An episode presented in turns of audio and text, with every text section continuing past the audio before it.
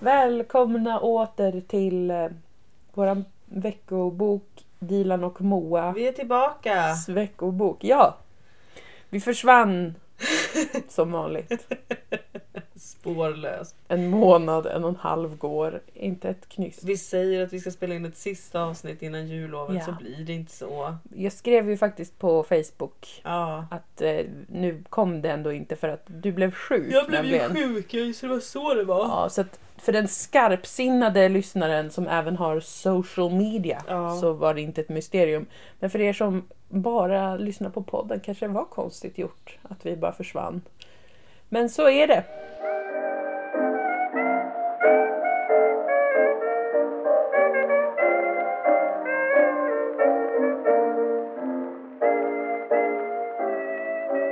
Ehm, julen har kommit och gått.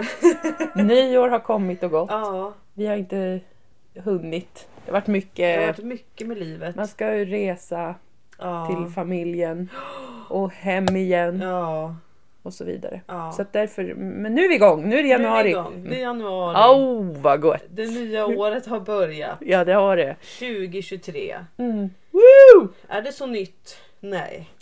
Då vi Nej, väntar till mars månad egentligen ja. för att saker ska skifta. Ah, alltså menar du astrologiskt nu eller menar du att det är neuros i mars? Alltså det är både och. Ja. Det är ju både Neuros och dä- därmed också det astrologiska nyåret. Just Men det. det är också väldigt många tunga planeter som skiftar. Vad roligt att höra. Ja. Ja. Så det är då energierna skiftar lite. Mm, trevligt! Jättetrevligt. Ja, för det har ju varit... Eh, det nya året har ju börjat väldigt regnigt och grått här i Skåne. Ja, Får man ändå säga. ja, det har varit riktigt trist. Väldigt som ett lock bara över hela världen här. Nu är vi ju båda liksom... Eh, nu, vi båda är deltids Österlenskärringar nu. Ja, det är vi. Så man har ju varit mycket... Det har vi ju båda varit. Alltid. Mycket ute på landet ja. Ja, Sen, sen några år i alla fall. precis. Mm. Men eh, och så att det har blivit lite extra av det gråa får man väl säga. Man blir ju, man blir mer, man ser det på ett annat sätt när man är Ja. ute på landet ju. Alltså, och samma med mörkret. Ja. Men jag har ju en ny filosofi, den är inte så ny men sen några år tillbaka, som är att jag måste lära mig leva med mörkret, kylan, eh, årstiderna. Ja. Det är svårt, men det, det har gått bättre i år skulle jag ändå vilja påstå. ja, men jag tycker att eh, du har eh, känts mer harmonisk den här vintern än Ja. många tidigare vintrar. Jag har faktiskt varit det. Det är jätteskönt för Ja, mig. och du har också sett till att investera i bra mysig belysning. Det har jag gjort. Jag har till och med, jag har även köpt rökelse. Ja. Jag är så glad att du har börjat använda Mm. rökelser. Det, det tycker jag om det. Jättetrevligt. I like it, like yes, it, like it. Yes, yes. Men eh, vi har ju en liten elefant i rummet som vi kanske ska benämna. Ja, jag hade ju tänkt eh, benämna den allra först i podden. Mm. Men sen är jag ju en stereotyp kvinna på det sättet att jag inte kan hålla mig.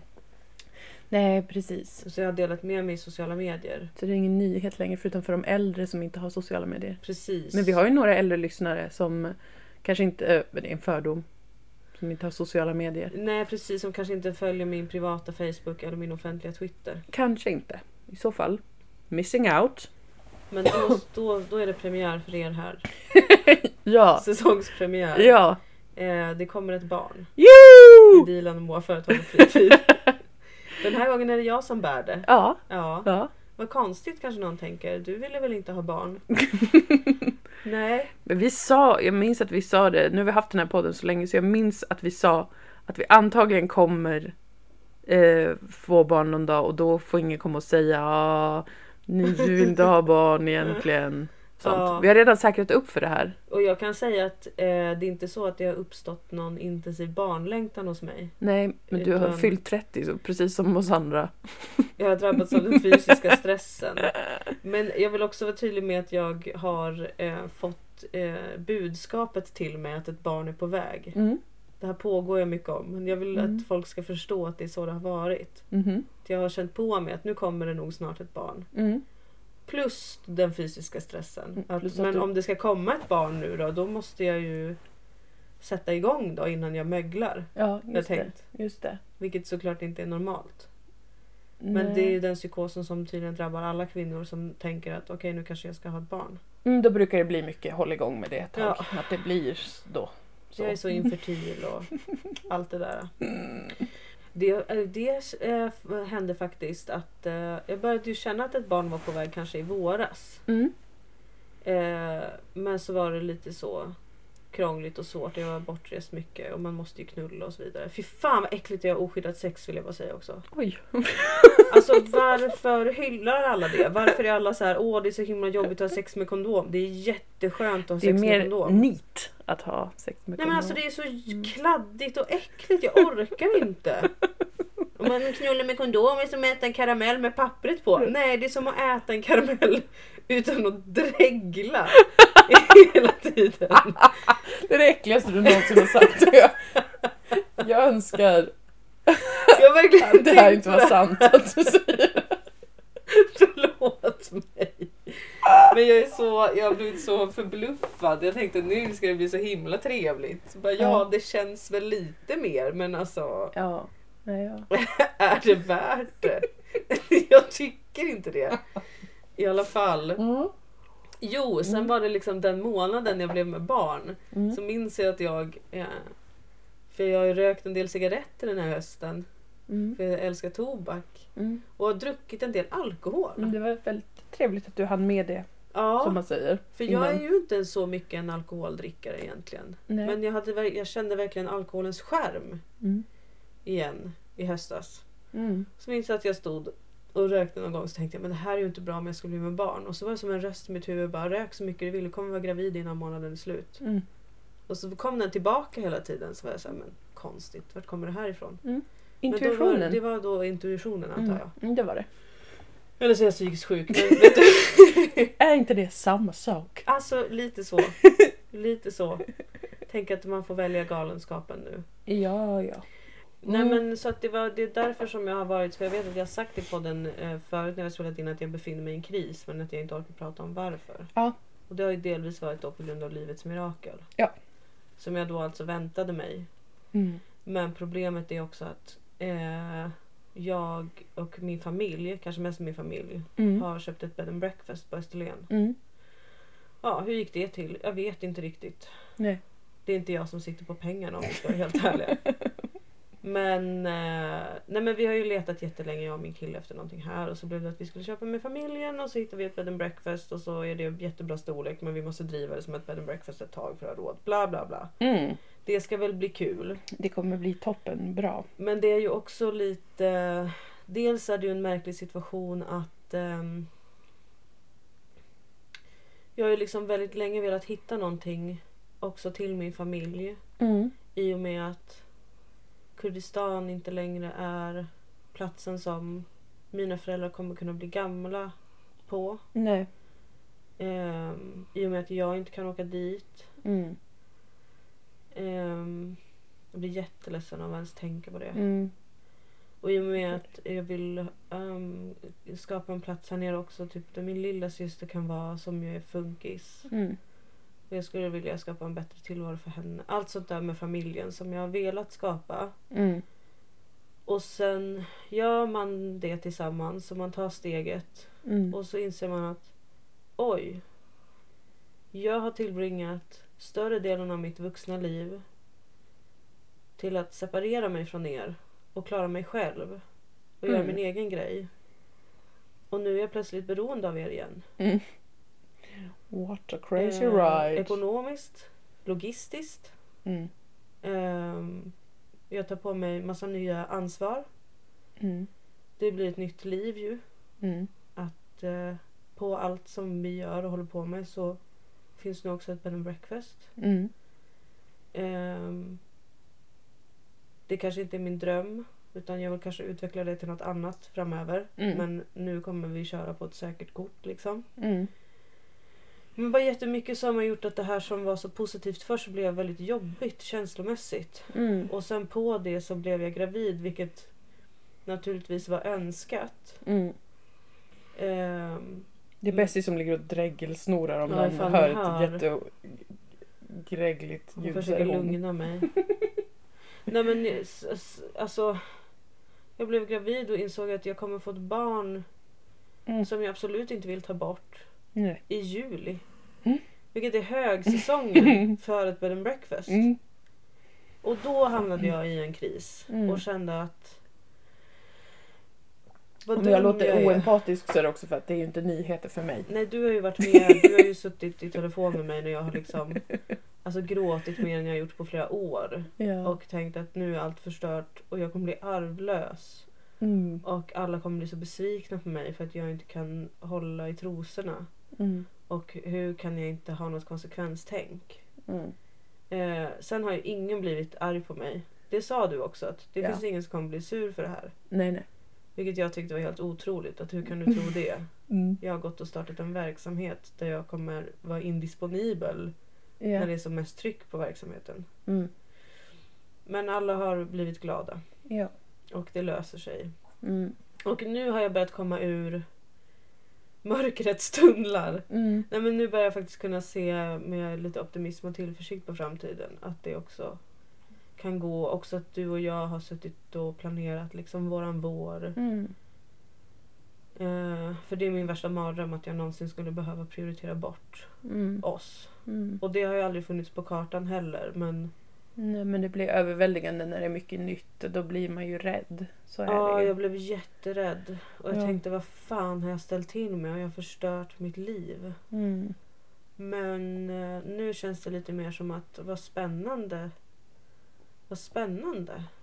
Mm. Alltså absolut ansträngande. Ja. Och eh, en helt ny tillvaro på vissa sätt. Mm. Men också vad roligt och vad kul för ett barn och också för Ru liksom Mm. att växa upp i en sån här, alltså att födas in i en sån här tillvaro. Mm. Där det finns så mycket gott. Ja. Ja, visst. Och det finns hus och det finns mark och det finns... Massa familj. Massa eh, på, familj. på gott och på ont är ju det. Men mest är det ju på gott. Ja precis, det är ju bara det Det här är bara ett jävla är- jobb. Det är ett jävla jobb och det är det som jag tycker är så himla intressant också. Mm. Att så här, hur... Verkligen den, det här skiftet tillbaka på något sätt. Mm. Till att, och de är ju naturligtvis beroende av mig också. Mm. De är beroende av att jag och min kille ska kunna driva det här Mm. Faktiskt i praktiken så att vi kan Mm. ha det här tillsammans. Mm. Men, men känslan hos mig har ju bara varit okej nu har jag nu har jag blivit totalberoende av min familj igen. Det var ju Mm. det här jag inte ville vara när jag flyttade hemifrån och började skapa mitt eget liv. Mm. Sen har jag ju alltid varit beroende av dem naturligtvis. Men det är ju, Alltså, ja precis. nej, det, är ju, det är ju det är ju få icke förunnat att verkligen inte kunna förvänta sig någonting av sin familj. Mm. Jag har ju fått jättemycket av dem hela tiden. Men du förstår vad jag menar. Ja, ja. Men det är, det är intressant tycker jag. Mm. Lite spännande. Eller nu när jag inte är mitt i det så kan jag tycka att det är intressant. Mm. Att bara just det, det är också det som jättemycket pågår. Inte bara att så här, åh gud allt är så nytt och det är nya ansvar och oj hur gör man det här och ett barn mitt i allt. Nej. Utan det är också typ, ah nu kommer vi nästa level i våran dynamik som familj liksom. Ja. Precis, en vuxen. På riktigt vuxen. Men Ja. där man har kontakt väldigt mycket. Och jag ska ju få barn en månad exakt efter min stora syster. Så det kommer två små bebisar och så ett nytt eh, ställe, familjeställe. Det är jättestora förändringar. Ja, Man måste vara vän med tiden så att det får... ja det måste verkligen eh, få... Det, för det, det, det är landa. liksom, precis. Det är väldigt lätt att bli, bli antingen helt lamslagen av allt, all förändring Mm. eller helt manisk i det. Ja. Att allt måste ske direkt, allt måste bli bra direkt nästa vecka eller dag. Ja, det har också varit lite så här var är, var är hemma på något vis. Alltså för att vi bor ju kvar i Malmö och vi har Mm. kvar vår lägenhet Mm. som vi har tillsammans. Men jag är ändå ute mycket. Alltså man är ju ute och fixar väldigt mycket Ja. Med huset och förbereder inför verksamheten. Och det är mycket fram och tillbaka. Och Mm. Samtidigt som man är gravid och kanske vill lite så här landa i ett bo typ. Och så är det så här, fast jag håller på att förbereda för flera bon nu samtidigt. Mm. Det har varit så mycket som det har varit, det har varit jätte... Ja, men det, ja. Mm. Förmörkelserna. Otroligt intensivt ju. Intensiv. Jätteintensivt. Jätteintensivt. Men Mm. nu börjar jag verkligen, som sagt, jag börjar känna mer optimism, mer Mm. tillförsikt och eh, tacksamhet. För att det är också det som, har varit, det som har känts svårt har ju inte varit så här, åh det känns så svårt för att jag har det så tufft i livet Nej. och jag har så få möjligheter. Utan det har varit så här, jag har det så tufft för att jag har det så jävla fucking bra. Mm, In a way, men också det är svårt med familj. Det är svårt att samäga saker. Det här är något som jag tänker på också för att det är många eh, vet ju att vi har delat lägenhet länge. Vi ska fortsätta göra det som du sa. Och, så här. och jag- delar ju ett ställe på landet med min kille och hans familj. Ja. Och du är samäger nu med din familj och Ja. din kille. Och det kan ju på ytan låta som så här, fan vad, vad, vad nice att det funkar, att ni kan göra så, att ni kan ha, dela saker med familjen. Det är en erkänt ganska svår sak. Men det är därför jag tänker det är viktigt också att eh, vara eh, eh, öppen med att det är jätte, jättesvårt. I perioder är det jättekonfliktfyllt, jättesvårt att möta varandra, att liksom, särskilt om man är den vars familj det handlar om. För jag har ju, det är min kille som bor nu Ja. bre, bredvid sina föräldrar Ja. som vuxen man och är själv pappa nu. Ja.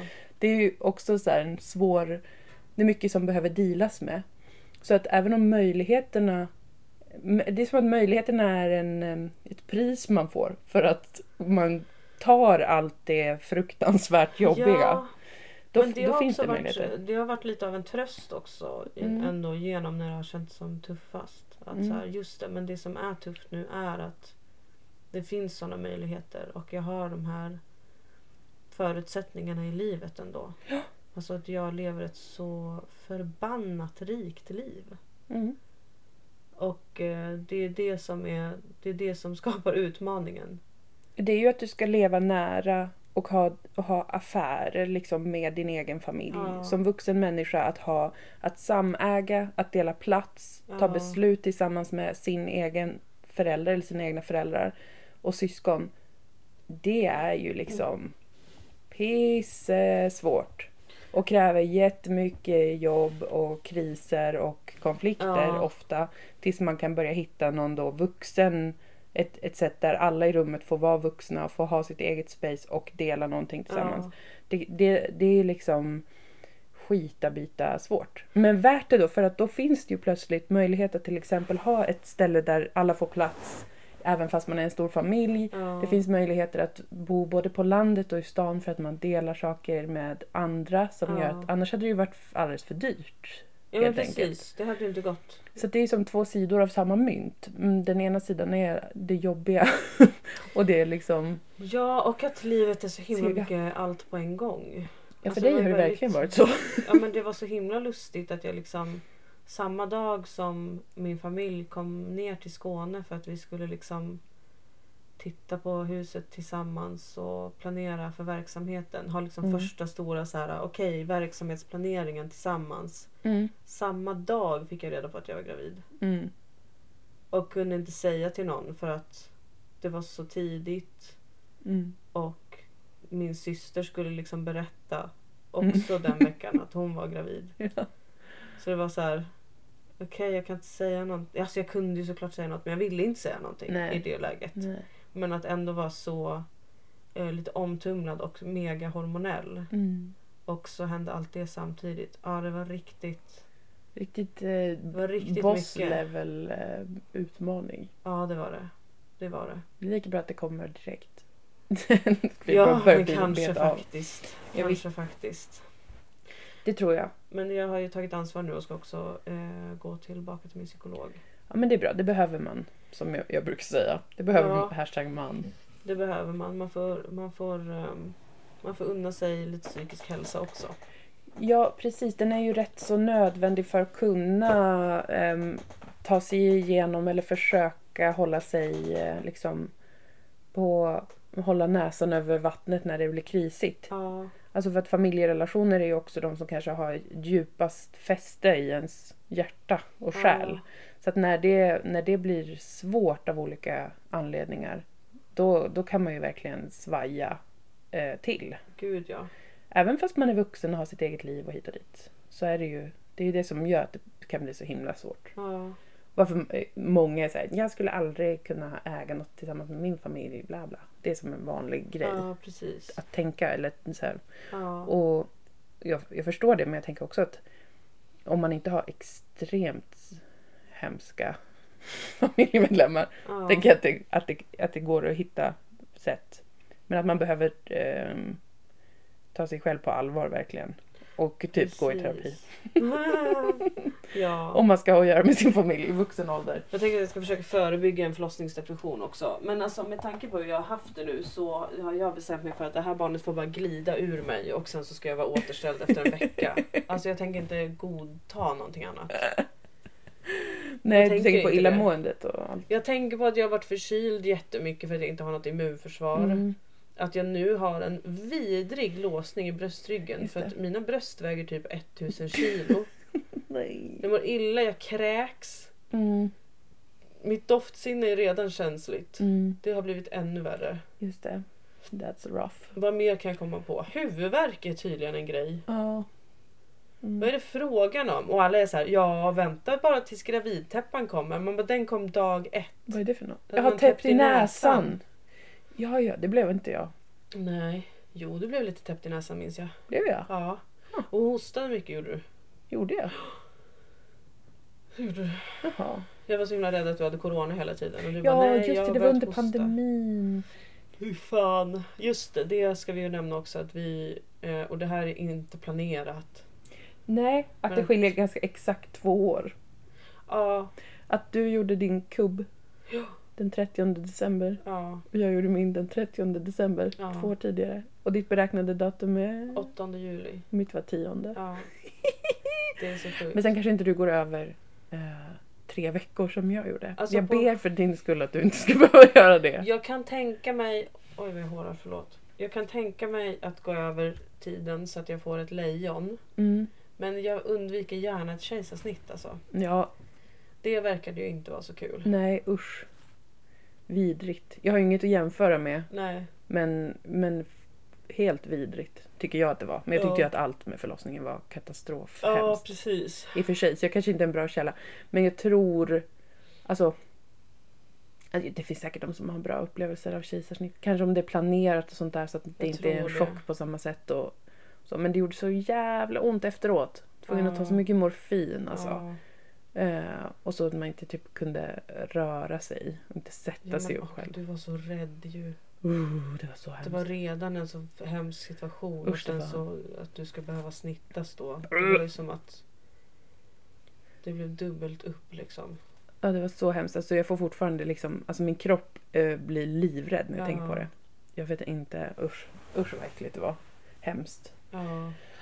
Men det är ju, det är ju alltså om man blir igångsatt är det större risk att det blir kejsarsnitt. Mm. Så att, men annars är det väl inte tror jag så jävla stor risk att det ble, behöver bli det. Nej, precis. Om man inte har andra riskfaktorer som gör att man kan få planerat snitt och man, om man får havandeskapsförgiftning och sånt, då brukar det ju vara så. Man Ja, choppar ut ungen. det.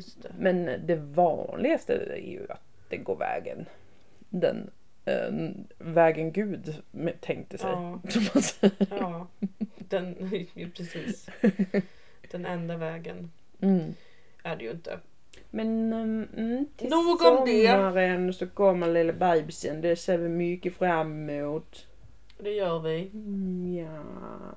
Mm. Jag har mer i Mammapodden Dilan och Moa. Mm. Eh, ditt barn börjar förskolan. Mm, den här veckan är det inskolning för min lilla unge på För dig. förskolan. För mig. Han, det går helt okej. Ja. Det är ju en stor omställning då. Han är lite skeptisk. Tycker jag verkar sunt. Mm, tycker jag med. Ärvt från sin mor. Ja. Vara kritisk kring det där.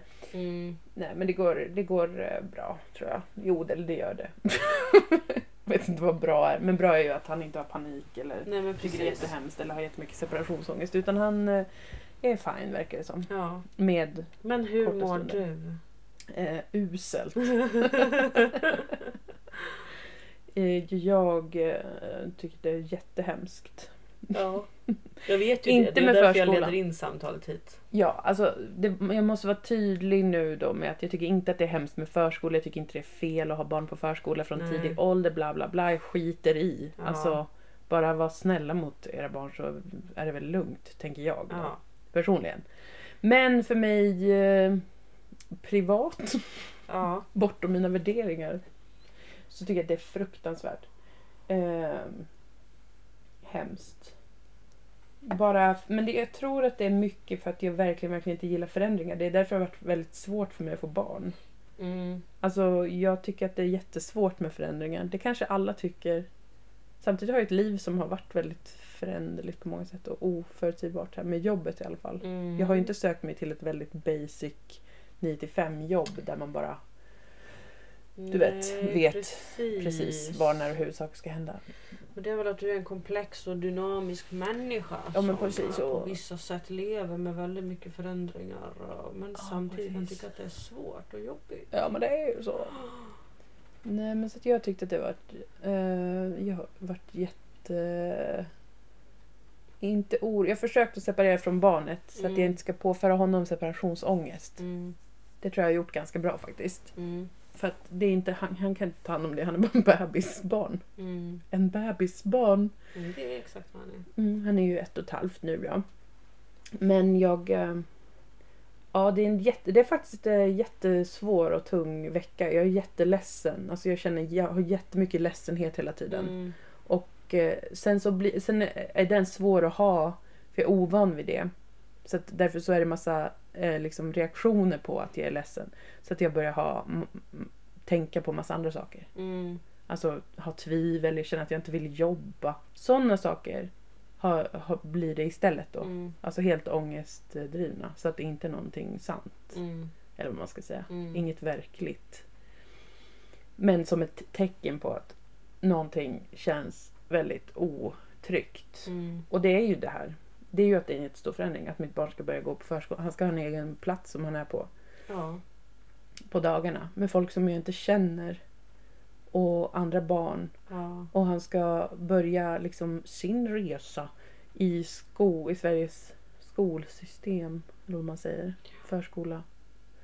Och alla pedagogerna är jättefina och bra. Och det, är, alltså, du vet, det handlar ju verkligen inte om att jag typ inte tycker det verkar sunt eller Nej. något sånt. Är bara min egen äh, ångest helt enkelt. Kring att livet förändras och att eh, tiden är l- liksom märklig och, och ehm, att påminnas om det är jobbigt. Plus jag får PTSD för att jag själv hatade skolan så himla mycket. I och för sig inte från så tidig ålder. Det var inte som att jag Nej. började på förskolan och hatade det. Det var ju först i högstadiet som jag började. Ändå liknande miljöer. Det är ju det. Det är ändå att, att eh, som barn försätta sig i en institution. Ja, precis. Det kan ju verkligen trigga, vad heter det mm, på svenska? Vet inte vad det heter på svenska. Abandonment, övergiv, alltså eh, Ja. olösta ångestproblem kring att man har upplevt att man blev eh, lämnad. Just det. Som kanske inte var liksom egentligen att man då började skolan. Men det associeras till den miljön. Så att jag associerar Mm. den miljön till att vara ett inlåst, Mm. alltså klaustrofobi. Två, inte ha någonstans att gå. Vill säga. Men alltså Eller- skolan, okej inte förskolan. Men Nej. skolan är ju ändå en bizarr plats. Alltså jag har tänkt Ja. på det jättemycket de senaste åren i och med att jag har en lillebror som är 15 år yngre än mig. Mm. Så har jag ju i ganska medveten ålder kunnat liksom följa någons skolgång. Mm. Och att bli påmind om att, hur konstigt det egentligen är ju. Ja. Jätteknäppt. Jag säger inte att man måste ta bort det eller ändra på det. Jag tror att man ska utsättas för lite konstiga saker i livet. Och man har inte så jättemycket val. Nej, men det är ju konstigt. Ja, det är jättekonstigt. Jätte, jättekonstigt. Bara placera sig i en grupp människor och bara vara där och Ja. som grupp få lära sig massa saker som någon har bestämt att man ska lära sig för att få vara med. Jag vet, det är så himla weird. Plus det är otroligt fult. Alltså det var ju ett av mina största problem redan Ja. som barn. Ja. Att det estetiskt är så vidrigt fult i kommunala skolor. Just det. Kanske även många privata. De enda Säkert. vackra är väl jätterikingarnas skolor. Man ska inte lita på det för att väldigt rika människor har ofta väldigt, väldigt dålig smak. Det är sant. Men jag tänker de har tillgång till så vackra byggnader och sånt. Att det är ja. någon sån De historisk. Ja, Mm. Typ så här. eh, Vi spelade ju en dips på Norra Latin och det har ju varit en skola, inte längre men då tänkte jag bara att fan skulle ha hänt med mig om jag gick i skolan i en sån här miljö med Ja. typ marmorgolv Ja. och högt i tak. Vem vet? Jag gick ju på en sån eh, 1,20 i takhöjd med lysrör Mm. skola. i Umeå. Men i alla fall, det är fult är det. Och det är det ju. Det, det är ju inte kanske något som de flesta barn bryr sig så jättemycket om. Men jag tyckte det var jättehemskt. med belysningen mycket. Ja. Jag, jag, ehm, Ja, det är mycket med det. mycket med det. Alltså den här starka belysningen rakt uppifrån, det Mm. där kalla som lysrör eller liknande. Det, det är så obehagligt. Alltså det vänder sig i magen på mig Mm. när jag tänker på Mm. det ljuset. Och eh, sen får jag ju ofta, nu för tiden, alltså i vuxen ålder så får jag ofta migrän av starkt ljus. Jag undrar om det kan vara så att, att jag har en, eh, en association till det. Bert Preben är här. Eh, Falafeln höll jag på att säga. Vad heter fa- Fasanen. fasanen? Förlåt, jag var bara tvungen att uppmärksamma dig på att Hallå har gubben! Han är och raggar på mina hönor. Gör han det? Säkert. Skulle inte förvåna mig. Nej. Han är en riktigt slirig karl. Hur länge sedan jag såg han. Mm. Trevligt. Hello pretty boy! Hello sir! Fasaner är verkligen tokiga djur alltså. Det är så jävla sjukt att det här är en normal syn. Alltså en fågel med helt spejsad eh, svans eller vad man säger, fjäder. Vi har ju fasaner ute på gården. De är, lever ju fria. Men alltså gud. Och jag såg att de, en av dem flög upp i ett träd. Då blev jag så förvånad. Och satt och stirrade på katterna som vi har skaffat. Mm. Mm, Jag tycker det var otrevligt gjort av er att skaffa katter. Ja, det var väldigt roligt. Men i alla fall. Vad fin han är. Mm, han är väldigt ståtlig. Han är jätteståtlig. Undrar om tjejerna tycker det också. Alltså hönorna. Kan de få barn med varandra? Jag tror inte det. Nej. Eller? Nej. För då kan de ju få ha lite njutningssex bara. Mm, men jag, ja, jag är osäker. Ja. osäker. Njuter en höna av samlag? Vi vet inte. Nej, det är mycket oklara, oklarheter. Vi kan inte veta. Vi kan inte prata med dem. Nej, vi kan inte det. De kan ju inte svenska många av de dem. kan, nej, de kan inte det. Jättehemskt. Men skolan är bedrövligt ful. Jag tänkte inte på det när jag gick i skolan. Jag tyckte att det var väldigt roligt att gå i skolan. Mm. Men jag minns att jag ofta tänkte att det var väldigt egendomligt socialt. Ja, Det var mer det jag reagerade på. just det. Mm. Ehm, I och med att jag var en sån um, tönt som inte blev mobbad. Mm. Men som heller inte kunde bli populär. Mm. Men jag kunde kommunicera med båda sidor. Mm. Jag var som ett medium. Vill jag tänka om mig själv i efterhand. Det kanske inte alls var så det var. Eh, jo, det låter Jo men det, det, så var det nog. Ja. Ehm, och att eh, hierarkierna var väldigt... eh, Jag var väldigt medveten om dem. Typ. Mm. Mm. Och att det var jättekonstigt. Ja. Men Det är en sån bisarr värld med Ja. skolan. Och, och att man inte har något val riktigt. Nej. Att man måste det ju, gå i skolan. Typ. Och det är ju bra såklart, I guess. Skyldighet att säga. Det är toppen bra. Ja. Men jag menar på ett privat plan behöver det inte vara jättekul. Ehm, Men det är också en helt galen... Alltså det är ju jättebra och kul med kunskap. mm, Men också jätte... Alltså. Bara så att få lära sig så tidigt. Av andra barn också. Att så här, det finns vissa vi inte pratar med. mm, Det finns vissa som är lite konstiga. De blir lite utstötta ur gruppen. mm, Det finns vissa som är lite coola. mm, Hur då? Att det bara var så tysta överenskommelser liksom. mm, Det tycker jag är jättekonstigt. mm. Så är det väl i och för sig fortfarande antar jag. Så tror jag det är för att det är bara makt och hur makt är Ja, precis. i alla grupper och så nästan. Ju. På ett sätt eller annat. Mer eller mindre uttalat eller verbaliserat. Ja. Ja, och det är fortfarande fult väldigt ofta. Ja, det är det. Det är det faktiskt.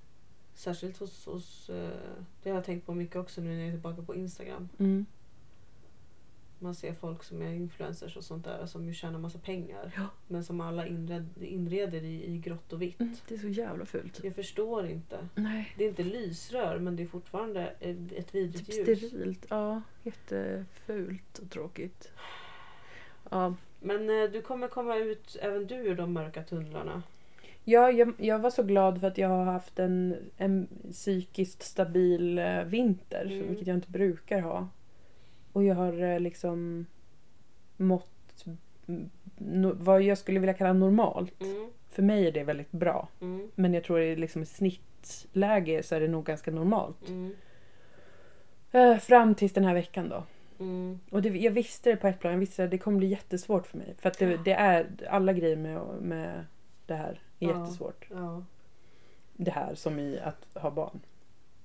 Eh, men ändå så blev jag lite så, oh, ska vara det så här svårt? Alltså du vet, ha jättemycket ångest, jättemycket så här kramper i, Ja. i kroppen, alltså ont i magen, ont i bröstet, ont överlag. Eh, svårt att somna, vaknar, vill gråta hela tiden, också vill fly. Alltså alla, alla larmsystem var så Ja. skrups upp till 100 från, från dag ett. Låter som vi skulle gå dit. Exakt som min graviditet. Ja gumman var märleken man kan tro va? är ju- Fastän jag inte gravid. Yeah. Men det börjar, det börjar klinga av lite nu liksom. Men det var tydligt att, att för jag hade aldrig varit på den här förskolan då. Nej. Eh, Så det var mitt första besök där. Sam, samma dag då som Rus första be- besök på förskolan. Ja. Och som sagt, bara trevliga människor, bra pedagoger, bla bla. Men Mm. ändå så, kvällen innan så liksom kände jag mig eh, som att jag skulle börja skolan. Typ. Mm. Hade jättemycket ångest. Och eh, vaknade och eh, ja, jättemycket ångest bara. Alltså Ja. som att, ja, men som, som att alla, alla larmsystem är påslagna. Från 0 till 100 Mm. i samband med det. Och sen har resten av veckan bara varit att försöka fokusera på att acceptera att det är det. Alltså att det är jättesvårt för mig med den här förändringen och jag behöver inte hålla på och försöka eh, tänka ut vad det annars är eller vad det Mm. egentligen är. För det Mm. är inom citationstecken bara det. Det är att mitt barn börjar förskolan. Det är jätte, jättesvårt för mig känslomässigt. Det var det Alltså, att någon du har varit med eh, i regel dygnet runt. Med undantag för kanske vissa dagar. mm. Att den nu ska iväg någonstans. Ja. Utan dig. Ja, att tiden går. Och det som alla sa som var att första året, ett och ett halvt år när man är hemma, det är kort, ta tillvara på det. Och jag upplevde det som en ocean av tid. Ja. Men nu märker jag att det var inte det. Nej. Och det är en jätteknäpp känsla att ehm, när jag har varit i det, varit hemma med, med lilla barnet, Mm. så har jag upplevt det som verkligen den längsta, längsta, längsta tiden. Mm. Och tyckte att det är ganska mycket, ganska mycket har varit jobbigt att vara hemma. Mm. Svårt. Alltså jag har inte haft en, en rosig eh, delirious upplevelse av att vara hemma med bebis. Mm. Och sen när jag började jobba tyckte jag att det var jättesvårt att vara hemifrån. Eh, tyckte det var jättetungt. Um, ångest, svårigheter kring att vara borta från barnet och Mm. börja jobba och göra min egen grej fastän jag också tyckte det var kul. Mm. Alltså varenda sak som har hänt, eh, varenda förändring som har hänt har varit jättetvegad, jättesvår och känts oändligt lång. Mm. Just nu känner jag ju som att den här inskolningsgrejen är mitt nya liv. Mm. Det är därför jag får så mycket ångest. Mm. För det är helt dum i huvudet med att för, komma ihåg något slags tidsperspektiv. Ja. Men det är det jag funderar på ganska mycket. Så här, det kanske man inte kan. Utan det är det som är att få en erfarenhet av någonting. Det är att leva igenom det och, och uppleva att det är ens nya liv. Typ så här, när, när jag hade en förlossningsdepression, vad fan man vill kalla det. Ja. Eh, då var det ju som att det är mitt nya liv. Det ger Ja. mig ju fruktansvärd, gav mig ju fruktansvärd panik naturligtvis då. Jag hade så mycket ångest, allt var eh, det värsta jag någonsin varit med om. Men såklart jag älskar barnet, toppen och så vidare. Men att det kändes som hela världen. Eller hela min tillvaro. Och sen tar nästa fas vid och då är det hela tillvaron. Så var den lite bättre liksom men ändå förändringar. Men verkligen, det är det som är att få en erfarenhet. Det var väldigt Mm. fint sagt tyckte jag. Det är den där knäppa, eller tack, men den där tids... Ja. Eh, upplevelsen av tiden. För så där kände jag ju också när jag genomgick min kris nu. Mm. Med hus och barn. Att Mm. okej det är det här som är livet nu. Jag kommer vara fångad i ett fängelse. eh, där jag har på mig någon lustig t-shirt med något Österlentryck. varje dag och tar hand om gäster och har en bebis och bara är med min kille och vi Mm. bara är i det här huset och Mm. allt är fruktansvärt och vi börjar hata varandra. och eh, äktenskapet skrämmer mig och eh, allt är vidrigt. Mm. Jag såg ingenting annat. Nej, Men sen så fick det... så klingar ångesten av Ja precis. Och om man bara, nyktrar det. till. I have a life. Ja, Det är det. någonting annat än det där som jag började föreställa mig. ja visst. Att det måste vara nu. Precis, det är inte, det är inte bestämt här, måste jag. Det är inte satt i sten. Utan det är mycket att tankarna på framtiden kommer ur eh, känslan av obehag. Ja. Och då oförmågan att bara acceptera, eller bara, men att acceptera eller befinna sig i en otrygg känsla. Den, det vill man inte. Så då börjar man tänka jättemycket Precis. och agera. Och då blir allting mycket, mycket värre.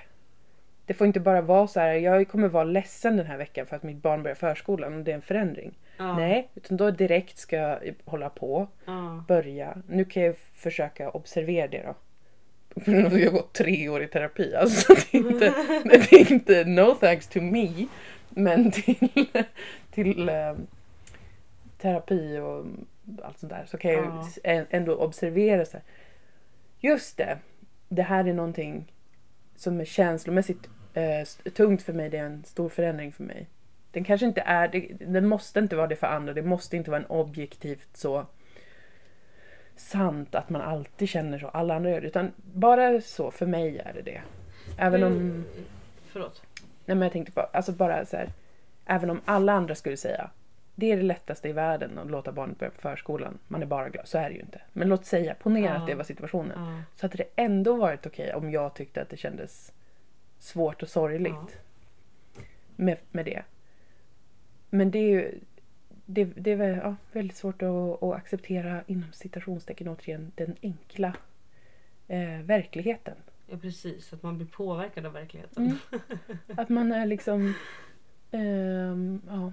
Jag är nyfiken på vilka små saker jag kommer få jobba med som eh, förälder. Mm. Någonting lär det ju vara. Det är något för alla. Det, är något, det finns något för alla. Det finns något gott och blandat i gott och blandat påsen. Ja, det gör det ju. Jag får väl återkomma om det. Ja, precis. Det, jag eh, tänker det va. Att alla har sin resa. Det kan vara olika också. För vissa är ju till exempel småbarnsperioden en, en väldigt, eller rätt så härlig tid. Ja. Så kan det ju också lika väl vara. Att det inte alls är då eller de här tidiga åren som är Ja. svåra. Ja. Det, det finns ju alla möjliga, lika många alternativ som det finns människor på vad, hur det kan vara och utvecklas. Så. ja, som det finns en livstid tänker jag. Precis. Så att det... det det kommer att visa Mm, sig. det återstår att säga. Nej men det, allt, allt detta kommer vi väl återkomma till. Mm. Det känns så pinsamt tycker jag. Jag kommer ihåg att du pratade om också att det känns pinsamt. Ja, att vara gravid ja. Mm. Mm, det var jättepinsamt tyckte jag. Jag har fått mycket skamföljningar. för att jag har skrivit om det på internet. Så jag har känt mycket, fa- faktiskt lite ångest till och med. Mm. Vet jag inte vilken känsla det är som Ja, nu ska jag analysera dig. Ja.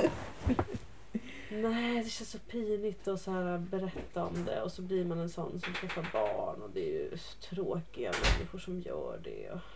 Det där skulle jag direkt, om jag får plocka isär det, om du ger mig Ja. tillåtelse att plocka isär dig som man Ja. säger, så är det tankar. Ja. Obehaget som du upplever är sårbarheten tror jag i, att, eh, i situationen. Och att man då i en mer, eller lite då offentlig position Mm.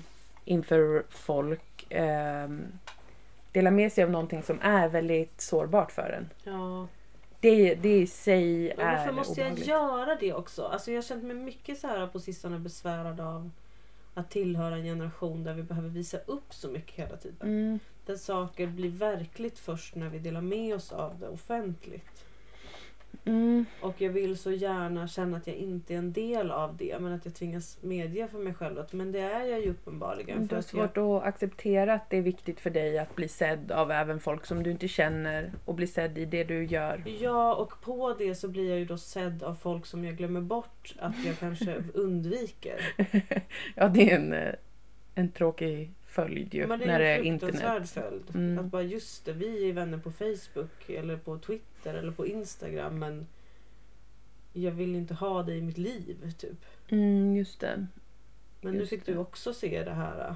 Ja, just det. De är också en del av det. Av, Ja av de som precis. får se och höra om dig. Jag skulle vilja inte ha det behovet. Jag skulle vilja att det räcker med att bara dela med mig av saker till de som jag träffar på något vis. Mm. Mm. Eller i podden. Podden känns annorlunda. För Det är Mm. veckoboken. Det är ingen som en enda lyssnar. stor familj. Ja, En enda stor familj med fem ja personer. men precis. Vilket det, jag tycker är perfekt. Det faktiskt annorlunda. Det känns mycket mer reglerat. Det känns Ja. inte helt li, lika liksom Nej men jag vilt och förstår. galet som internet. Nej, jag kommer få jobba med det tror jag nu. Ja, Faktiskt. Att vilja detta. synas men inte vilja behöva synas. ja men precis. Och det Ja, finns en låsning där någonstans. Ja, och det är det inte så det. konstigt heller att sett i ditt yrke som även i mitt yrke. Nej, Där man är precis. på vissa plan då väldigt synlig, väldigt liksom ens persona är väldigt eh, i, i behov av det och så Ja. vidare. Av att vara Ja, det är märkligt. stor.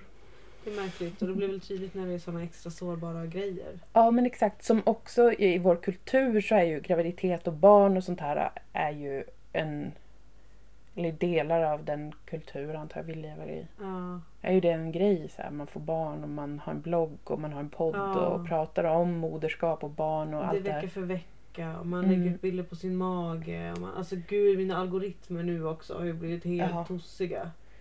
Men det gör, det gör någonting, det förvirrar en och förvillar en eh, bort. Ja, och Ofta. jag, tänkte också, såg eh, ett kort klipp med Beyoncé häromdagen. Mm. Där hon sa det, jag tror att det var från hennes dokumentär hon gjorde om sig själv. Eller någonting sånt. Mm. Hon besvarar väl frågan kring hur hon använder sociala medier. Hon, hennes privatliv är ju väldigt Mm. eh, stängt Mm. för allmänheten. Att hon var så här, ja men typ om jag tänker på Nina Simone och så folk uppskattade henne för hennes röst och hon släppte ett album och då ville folk höra hennes röst. Mm. Men de blev inte samtidigt typ bombarderade med vad hon tycker, vad hon gör, vad hennes barn äter, Mm. vad hon har på sig, vem hon dejtar. Mm. Sånt som folk inte har att göra med egentligen. Nej. Men att nu lever vi i en tid där det, allt det följer med liksom. Ja. Ja jag tycker visst. att det är synd och jobbigt. Det är svårt att bli, det försvåras av att få barn också och vara gravid. Alltså för att jag tänker för egen del så en, del, en stor del av det som jag skämtar om och tycker är roligt Ja. med människor och med mig själv Ja. tillhör ju liksom vardagen. Ja. säga. Det är delar av min vardag, det är delar av hur jag fungerar, hur jag Ja. tänker, vad jag tycker. Eh, som, som är det jag driver med. Både på mina sociala medier, har gjort periodvis. Men också sen då i, när man skriver eller så. Ja. Så att som, som, då, som komiker så är det ju då är ju jag och min persona och mitt ego är ju delar av det som jag är intresserad av. Mm. I, som hur en människa är. Mm. Men Ja men visst som skapande person överhuvudtaget är ju det. Det enda man kan utgå från är ju sin verklighet och sina upplevelser. precis. Och sen så blir man gravid och, och får barn och då är det en till person. Och då är det sårbart för då är det så här, då, man vet inte riktigt. Inte för att jag, jag tänker inte att ett barn tar skada av det. Men att man själv, man, man under dels då en helt bisarr period så är man två personer i en kropp. Ja. Och sen så föder man en ny människa som har ett eget helt system som den föds med och blir en egen person. Och då är det plötsligt eh, då kän, det är känsligare, det är sårbare, det känns inte alls lika givet. Jag har haft eh, väldigt svårt faktiskt med både Twitter och Instagram. Facebook Ja. har jag sedan länge lagt av med. men, men jag hade Instagram, eller jag har Instagram, men jag tyckte, tyckte det var väldigt kul under en period, eller olika perioder. Mm. Tyckte det var jättekul. Både att skämta men också lägga upp typ vackra bilder på blommor som jag tycker är så fina. Mm. Sånt där skit. Som jag vet är sug, alltså fittetråkigt. Men jag tycker att det har varit kul Mm. ibland. Men sen jag fick barn så la jag upp ganska mycket så i början, bebisbilder och sånt. Sen så började jag känna, nej. Det här är inte, Mm. det här vill jag inte. Det känns inte alls som en del av Nej. längre av, av eh, den personan som är på sociala medier. Och då vet jag inte vad, vad, vad det är längre. Då, nu, just nu känner jag mig helt så här, att jag hela tiden tänker jag kanske bara ska ta bort, jag kanske bara ska testa hur det är och inte ha Twitter och Instagram. Ja. Bara ha kvar Facebook för typ jobbgrejer och sådär. Göra events och sånt. Men jag vet inte. Man får Ja. ge det tid också. ja. Jag har ju nu i alla fall tagit bort åtkomsten. Instagrams åtkomst till min kamera och mikrofon. Mm, mm. Så jag kan bara dela saker jag hittar där. Ja. Vilket jag fortfarande tycker är kul. ja, det är roligt. Men, Det finns sätt att göra det kul och göra alltså så, det tänker jag ändå. Ja, men jag, och jag, det är så konstigt för jag minns att så här, åh, jag tyckte det skulle vara så skönt att berätta att jag är gravid för då kunde jag få skoja om det på Twitter som jag ändå ser som min mikroblogg. Mm, Och att jag var så här, gud att, åh, jag fick så impulser och gnälla över olika saker mm, på Twitter för jag tycker det är så skönt att gnälla på Twitter. mm. Men nu när jag kan det så är det så här, åh.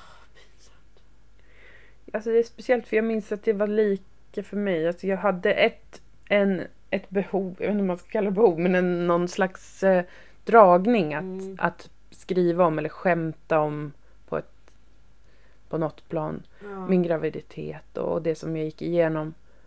Eh, och sen ganska, ganska omgående började jag känna att det var pinsamt. Ja. Och, och i efterhand när jag läste dem, och jag raderade flera Varför av är dem. det pinsamt? Jag vet inte, det är faktiskt en nöt vi måste knäcka. Ja, för jag förstår inte varför det är pinsamt. Nej, det är... ehm, det, måste, det måste ju på något plan ha att göra med, alltså det, på social, so, sociala medier, att det är pinsamt där. För jag tyckte det var pinsamt att vara på MVC också i och för sig, men det var för att jag kände att jag tillhörde då plötsligt... Eh, Ja, det har jag också tänkt på. Det har jag inte tyckt är pinsamt. Nej, så då kanske det är mer där, där man är synlig på ett sånt där Ja. märkligt sätt, alltså på social media. Ja. Att att man kan både se sig själv med andra ögon Mm. och... Eller, jo men för det, ganska ofta så kan man ju läsa sina egna tweets till Ja. exempel.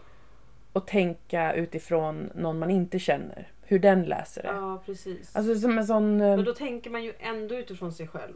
Precis. Så det är ju fortfarande man ju- själv som tycker att... Eh, det, man själv tycker att det är pinsamt för att någon i, någonting i en tycker att det är eh, Jag ser alla de här gravida på Instagram och Twitter. Jag tycker de är så jävla töntiga. Ja men visst är det någon identifikationsgrej. För varför, Ja. om, om det är så att säga någonting som väcker en energi hos en Ja. så är det ju för att det är något som redan är befintligt i en. Ja. Alltså att de har någon, något slags inflytande, det påverkar det. Du kan inte bara vara så här. Det, det är inte bara något som susar förbi utan det är ändå så här, vad fan typ. Vilket är konstigt för jag tycker samtidigt att, så här, att, att göra och föda barn är ju något av det sjukaste som finns. Ja det är Alltså på ett sätt är det så här, varför pratar sak. man inte om det här hela, hela tiden? Mm, Alltså det är ju helt bisarrt vad det är som sker. håller med. Håller Och Sen med. har jag ju också, alltså jag har ju visat det i mitt hatkonto på Instagram. Ja ja. Mm. Som är ett lesbiskt par i Norge. Som har försökt skaffa barn sedan i augusti. ja. Och Hon som ska bära barnet är 27. Men Mm. alltså de beter sig som att de har de värsta förutsättningarna i hela världen. Och att det är så himla jobbigt. Mm. Nu är hon i och för sig behövt framkalla ett missfall och det var väl Usch vad hemskt. Men jag Mm. hatar dem. Ja och ändå kollar du, då har det någonting. Det är någonting där som, alltså mitt, mitt, min hatnerv blir verkligen kittlad av. Mm. Och då skulle ju Jung Jan säga till dig för att din skugga aktiveras. Ja, Ja, och då är det allt dig som du har liksom undangömt. Är Ja. dig själv som du ser där hos dem. är det att jag själv skulle vilja vara en sån som lägger upp liksom filmer på mig själv varje dag. Där jag är så. Idag har jag de här gravidsymptomen. Det känns så här och så här. Ja, det Nu kanske det jag är då. nudlar. Ja, precis. Det är ju som när vi gjorde den där karaktärsövningen, du vet. Det man stör sig på hos andra, Jag tänker på den hela tiden. det är vad man själv, när man är som sämst, eh, är. Ja. Så att man redan är den som man stör sig Ja. på. Men som man av någon anledning då inte eh, kan integrera eller acceptera. Eller att eh, man är avundsjuk på någonting. Mm, då är det också för att man redan är det. Ja. Men av olika psykologiska skäl så har man, undantrycker man eller Ja. tillåter inte sig själv att gå upp i eller vara öppen för Precis. det. Det kanske är, det kanske är något kanske med den där synligheten då. Alltså att, att vilja vara mer synlig i sin process, i sin graviditet. Men att man eh, inte vågar eller tillåter sig att vara det. Ja. Och då andra som är det blir liksom irriterande för en. För att man, man bara, fan, skärp er, sluta vara så här. Men jag tänker ju också på hur konstigt det är när man inte är gravid. Förlåt nu blir det här jätteutdraget allting. Men alltså när man inte är gravid. För det tänkte jag också på när du var med barn. Att jag, det var så mycket jag absolut inte kunde förstå. Mm. Ehm, där har jag också tänkt på erfarenheter. Hur erfarenheter låser upp så mycket i hjärnan. Mm. Att erfarenheten av att vara gravid har låst upp så mycket förståelse för vissa saker. Mm. Att jag nu i efterhand kan förstå mycket bättre saker som du Även om du berättade om dem så var det som att det, det rörde ingenting hos mig. Mm. Alltså det gick fysiskt inte att förstå nej, vissa saker. nej. Det är så här, ja men jag förstår att du tycker att du upplever att det är jobbigt just nu. Mm. Jag kan inte förstå varför. Just det, nej man kan inte... Och att som Mm. betraktare s- som inte är i någonting och betraktar något som någon annan berättar om. Att det, det är det som jag tyckte har varit så tråkigt. Inte med dig men med typ influencers och sånt. Mm. Som har varit såna mamma-galningar. mm. Och att jag nu då förstår vissa saker och upplever vissa saker och vill prata om vissa saker. Men också då kanske har i bakhuvudet att jag vet att för vissa kommer det här vara som när man tittar på ett foto i Westworld och är en Mm. robot och bara inte förstår. Och vad är det farliga med dig då? Vad skulle det vara för farligt om, någon, om du la upp en video dag för dag på din mage och eh, någon ser den och författar inte och tycker det verkar dumt och Det är ointressant? så otroligt töntigt. Jag vill inte vara en sån töntig människa. Så det är skam. är det det det är? Mm. Är det det det är? Jag Mm. förstår inte. Jag tror det. Jag tror det. Jag tror att det är eh, eh, liksom att, att vara synlig i en för en själv ny och sårbar situation. Och Är det väl förknippat med skam. har hånat själv. Ja, kanske det också. Men... Eh, Gud vad de skriker där ute. Mm. Jo men visst va, men att det också precis varför har man haft något behov av att håna det? Det tänker inte du har gjort väl egentligen? Alltså, Inte, inte öppet kanske. nej men jag tänker på det. Ja, nej det är, må, det är många, det är många. Jag är ändå noga med att inte håna saker offentligt. På grund av insikten om att en dag kan det där vara jag. Det är av samma skäl som man är solidarisk. Just det. Att man vet att det hade lika gärna kunnat vara jag och livet är ett lotteri. Och ja. eh, jag kan inte inte vara solidarisk. Mm. För att jag hade velat ha det men jag hade behövt solidaritet i- på vissa sätt själv. Mm. På samma sätt så kan jag håna folk otroligt mycket i mitt huvud men det är inget som jag... Alltså jag håller mig dagligen från att skriva hånfulla skit som saker. det är en kamp. The struggle. För att jag vet att en dag är det jag som står där. Och lägger upp gravid Och vecka för gravid vecka. med min kille och jag har köpt en Volvo. Mm. Och Men jag tror inte det är de vård. sakerna du har hånat.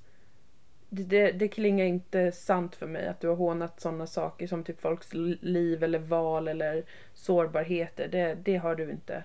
Det du har hånat är kanske liksom eh, trender eller hycklerier eller liksom bara allmänt vansinniga grejer som man stöter på på internet för att man stöter på massa jävla vansinne där hela Jo tiden. men kanske att visa upp saker för uppvisandets skull. Ja, Att att man det är bara väl är en någonting... del i, i algoritmhysterin. Ja, för det, det tänker jag också kanske Mm. är liksom relativt sunt att, att reagera på. Mm. Sådana kraftiga och snabba förändringar i världen runt omkring en och i hur folk är Mm. där. Mm. Att man bara, men vad är det här nu? Okej, nu är alla håller på att prata om detta verkar det som. Att det påverkar en och kan göra att man bara, men helvete vad Ja jag men faktiskt, jag tror att det också finns någon liten oro någonstans där. Och det är ju den yttre blicken på ändå. Att folk ska tro att... För jag har ju alltid haft väldigt svårt för det här med att folk skaffar barn för att de känner att man borde och klockan tickar och mm. också så sånt som jag har fått höra från folk. Eh, apropå att jag är gravid nu. Att det är så här, ja men det var väl nästa steg i en relation typ. Mm. Och då syftar det till mig och min kille. Mm. Eh, eller att jag tror att ett barn ska göra mig hel. Eller alla de här sakerna som jag har haft jättesvårt för. Mm. Är jag orolig att folk ska tro om mig nu. Just det. Men då, ah, now I can see. Det handlar om självtillit. Eh, Och att den tilliten inte finns. För att då betyder det att om andra tror det om dig så innebär det att det kanske är sant. Mm. Och om du själv är grundad i att du vet var du står i livet, vad du har för, ta för beslut för dig själv, för, Mm. för eh, av vilka skäl, så, så spelar det ingen roll. Men det besitter en viss eh, kraft för att tilliten till dig själv, dina egna beslut och ditt liv vacklar. Och det är inte så konstigt att den gör det när man är i en ny situation. Så jag menar, det var samma för mig. Jag tyckte också det var pinsamt hela tiden och typ så här. Vad tänker det XY om detta? Eller eh, är det pinsamt nu för att jag pratar om det? Ja men allt det där. Och inte bara så här. eh, eh, eh, det fanns ingen självklarhet i mig själv att liksom det här är något jag vill och då är det Mm. rätt. Mm. spelar ingen roll om jag verkar vara töntig eller grinig eller Mm. eh, hysterisk eller rädd. Det spelar ingen roll för det här är, är min väg. Lol. Kanske också är den här som jag eh, minns att jag såg och där då, ursäkta jag kliar mig på pattarna. Åh, Ja, det är ju oacceptabelt tyvärr. Att de också blir så jävla torra när de växer. Det är så Mm, himla stackars konstigt. huden. Det där. Eh, ja. nej men jag minns en sak eh, som jag verkligen hånade i mitt huvud som jag inte har hånat offentligt. Mm.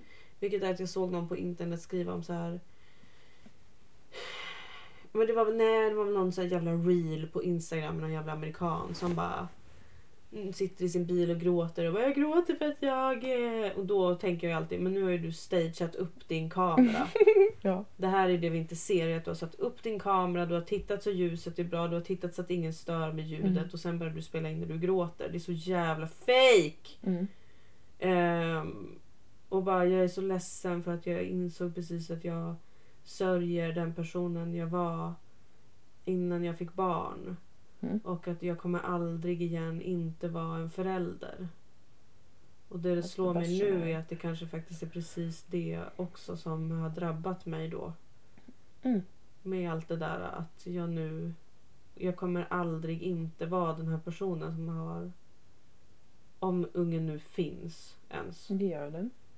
Den finns ju, jag har ju sett det på ultraljud. Men om den lever nu då? Det gör den. Jag kommer aldrig inte vara den personen. Mm. Med Mm. den blicken som sitter och hånar de här människorna. Mm. Jag kan inte vara det. Nej. Så kan det vara. Att det är... Um, att det är precis. Att det är pinsamt. Vad är det då? Det är förändringen. Ja, nu måste du lista ut vad det är. Mm, det är att sörja förändring. Men precis som att sörja när ens barn börjar skolan eller förskolan. Ja, Och om man då har svårt att acceptera att det är någonting som påverkar en på, på djupet. ja, För man värderar det som inte tillräckligt jobbigt eller inte tillräckligt re, realistiskt eller vad man ska säga. Ja. Tillräckligt reellt mm, problem. Mm, Så har man svårt att acceptera den, den primära känslan man har. Kring en helt vanlig grej. Alltså egentligen en precis. helt vanlig grej. Att känna ehm, alla olika saker när man är gravid. Typ att eh, det är omöjligt stort. Det är jättehärligt. Det är jätteläskigt. ja, Man är ledsen för att man inte kommer få tillbaka ett annat slags liv då. och Sådana där saker kan också komma upp. Verkligen. jag har gått över till den tråkiga sidan nu. Det kan vara en precis sak man kan sörja. Tänker jag mig. Eller inte tillåta sig att vara ledsen över då för att man istället eh, gör om det till att det handlar om att man det ena eller andra, andra grejer. Ja, jag har ju valt det. Så Precis, ledsen då, eh, precis, då, får inte den, då får inte den grundkänslan finnas där och då blir den till massa andra saker. Ja. Så kan det säkerligen vara. Och Ja, ja. typ, ja. Eller vad skulle du säga? Nej men jag bara tänkte på det att det egentligen är en sån här Ja men just med, med, med tillit till sig själv och till sin intuition och till, Mm. sin liv, till sitt liv och sitt eh, öde eller vad man än vill kalla det. Mm, Den tilliten eh, om, om den inte är riktigt eh, fullfjädrad ja, så står man ju hela tiden och bedömer, man tittar utåt hela tiden för att få se eh, om man har anledning att lita på sig själv eller inte. precis. Ja. Och då kan alla andra blickar på en, alla andra åsikter om en betyda att man måste värdera om sig själv och sitt liv och de val man har gjort eller den situation man är i. Mm, Och då kan man också tänka sig att, det, att man blir lite irriterad nämligen då på att se och stöta på det. För det är ju väldigt mycket att hålla koll på. ja, Och då kan det också vara logiskt att man känner då en, ja men som sagt en irritation typ. ja, För att det är en viss fixering vid, en, vid andras blickar på en själv. För att lista ut om man kan lita på sig själv. Men man måste såklart då släppa alla yttre blickar och gå tillbaka hem och kolla. Ja. Varför är det svårt att acceptera eh, sårbarheten eller eh, förändringen. Eller mina, det här som är viktigt för mig. Det är viktigt för mig att få ett barn. Varför är det svårt att acceptera till Ja. exempel? Varför är det svårt att lita på att den starka intuitionen och den, stark, de- den drivkraften, kalla det vad man vill. Ja, Varför är det svårt att lita på den? ja, det, det är där kanske man behöver vara och leta. För det är lätt att börja leta i sådär. Jag har ju litat på den. Ja, visst, och jag vet ju att du är i kontakt med det. Med den. Med intuitionen och med liksom de här större strömmarna i, i, i medvetandet. Ja, Och- men den blir så lätt utkonkurrerad av, av den yttre blicken då. Ja men precis, att, den, att det är en, kanske en uppmaning att komma närmare den och kolla in det Ja. mer. Och släppa det, det yttre Ja, mer och mer. ja. För att sen kunna röra sig där och ha kul. Typ på sociala medier. Så ja, tänker jag, precis. jag tänker målet är inte att man ska behöva vara en jävla renlevnadshippie som aldrig går in på, på Instagram för att det är giftigt för psyket eller något sånt där hemskt. Mm. Tanken är ju, tänker jag, att kunna röra sig fritt i olika typer av Mm. rum Mm. och få leka om det är det man vill. Om man vill ha sociala medier för att leka så, så får man bestämma att man får det. Ja. Men man kan inte riktigt göra det om man är där för att utan att förstå det själv då kanske man är där för att leta efter vad som är okej eller vad och som leta efter bekräftelse. mm, Mm. bekräftelse eller dementi på att man har gjort rätt och att man är rätt. Då kommer man alltid göra det. Då kanske man inte har så kul till exempel. Eh, Eller man får ångest då eller man börjar tänka jättemycket på det. Typ. Det är väl Är därför jag som- alla mår så dåligt av sociala medier. Precis. Det, är, alltså det, är, det är ju den verkliga zen-buddhismen. Det skulle ju vara att kunna ha Twitter, Instagram kontinuerligt i sitt liv och Ja. bara ha kul. Ja. Typ. Men jag tycker du är ganska nära. Ganska, jag jobbar för det. För Och jag vill som där. sagt inte ta bort det. Som, jag har alltid gått dit i perioder så jag ska ta bort det. Jag ska, Ja. du vet, det är någon så här läskig typ, jag ska bli ren. Ja. Alltså det är väl som Beyoncé, Ja. typ att jag ska vara skyddad. ja. Andra ska inte få... Men hon se. har ju Instagram. Ja, för att hon kurerar den så jävla noga. Precis. Och, och, det, det och typ så här, man får bestämma det själv. Det är ingen som kan bestämma om man... Det är liksom... Men det är ju så speciellt att det är en del av vår verklighet också. Ja, det är redan svårt som det är att Ja. vara i verkligheten och sen så innehåller den en sånt parallellt lager Mm. av internet. Det är Mm. svinkonstigt. Det är fan för mycket alltså. Ja, Jag blev det. förbannad. Det är det. Ta bort det nu alltså. Ja men du vi har så mycket intressant att prata om nu när du äntligen har tagit steget från att vara ungkarl till att komma... Ja, äntligen har låtit mig befruktas. ja men äntligen! Alltså, du vet, vi alla tjejer vi satt och sa när. Ja men gud gumman Ja, liksom. Du fattar ju inte förrän du själv blir mamma. Ja men eh, vad roligt att fortsätta med veckoboken. Ja, vi fortsätter. Vi siktar väl på varannan vecka under våren. Ja, Något sånt. Ibland Det varje. Det blir. Det blir som det blir. Ibland är man lite ledsen eller ibland är man lite trött och så blir Ja. det inte. Precis. Eller så är man sjuk eller så ska vi iväg. Ja. Men ehm, Vi kommer köra improföreställningar i Mm. vår i Malmö och kanske fler städer. Vi kommer Mm. återkomma med det så fort det kan finnas biljetter och datum är satta och sådär. ja, Så Malmö i alla fall. Sitt beredda. ja håll det- ut shake. Sålt slut alla kvällar hittills Ja, så man får vi. vara lite på vakt. va. Eller vad man Ja säger. det får man. Ja. Ehm, tack också för alla fina gåvor vi får av er. Mm, tusen tack. Vi har ju fått en fantastisk målning på oss. Vi har ju Mm. fått nyckelringar från High Chaparral. Vi har fått diplom. nu senast har vi fått praliner och ett jättefint brev. Ja.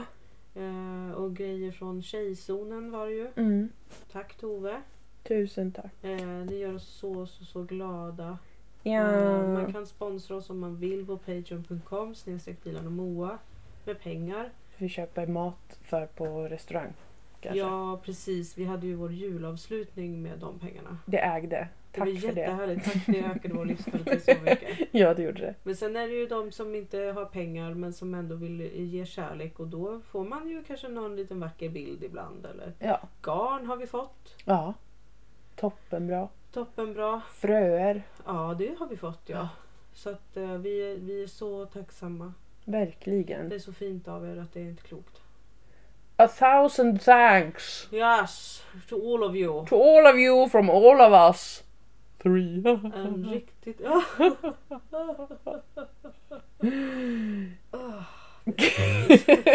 Så himla himla konstigt. Mm, Ehm, it's beautiful. men vi hörs igen. Ja. Ja men vi hörs snart Känns som att igen. det är något jag borde komma ihåg. att säga. Jo, kan ni köpa merch? Ja just det.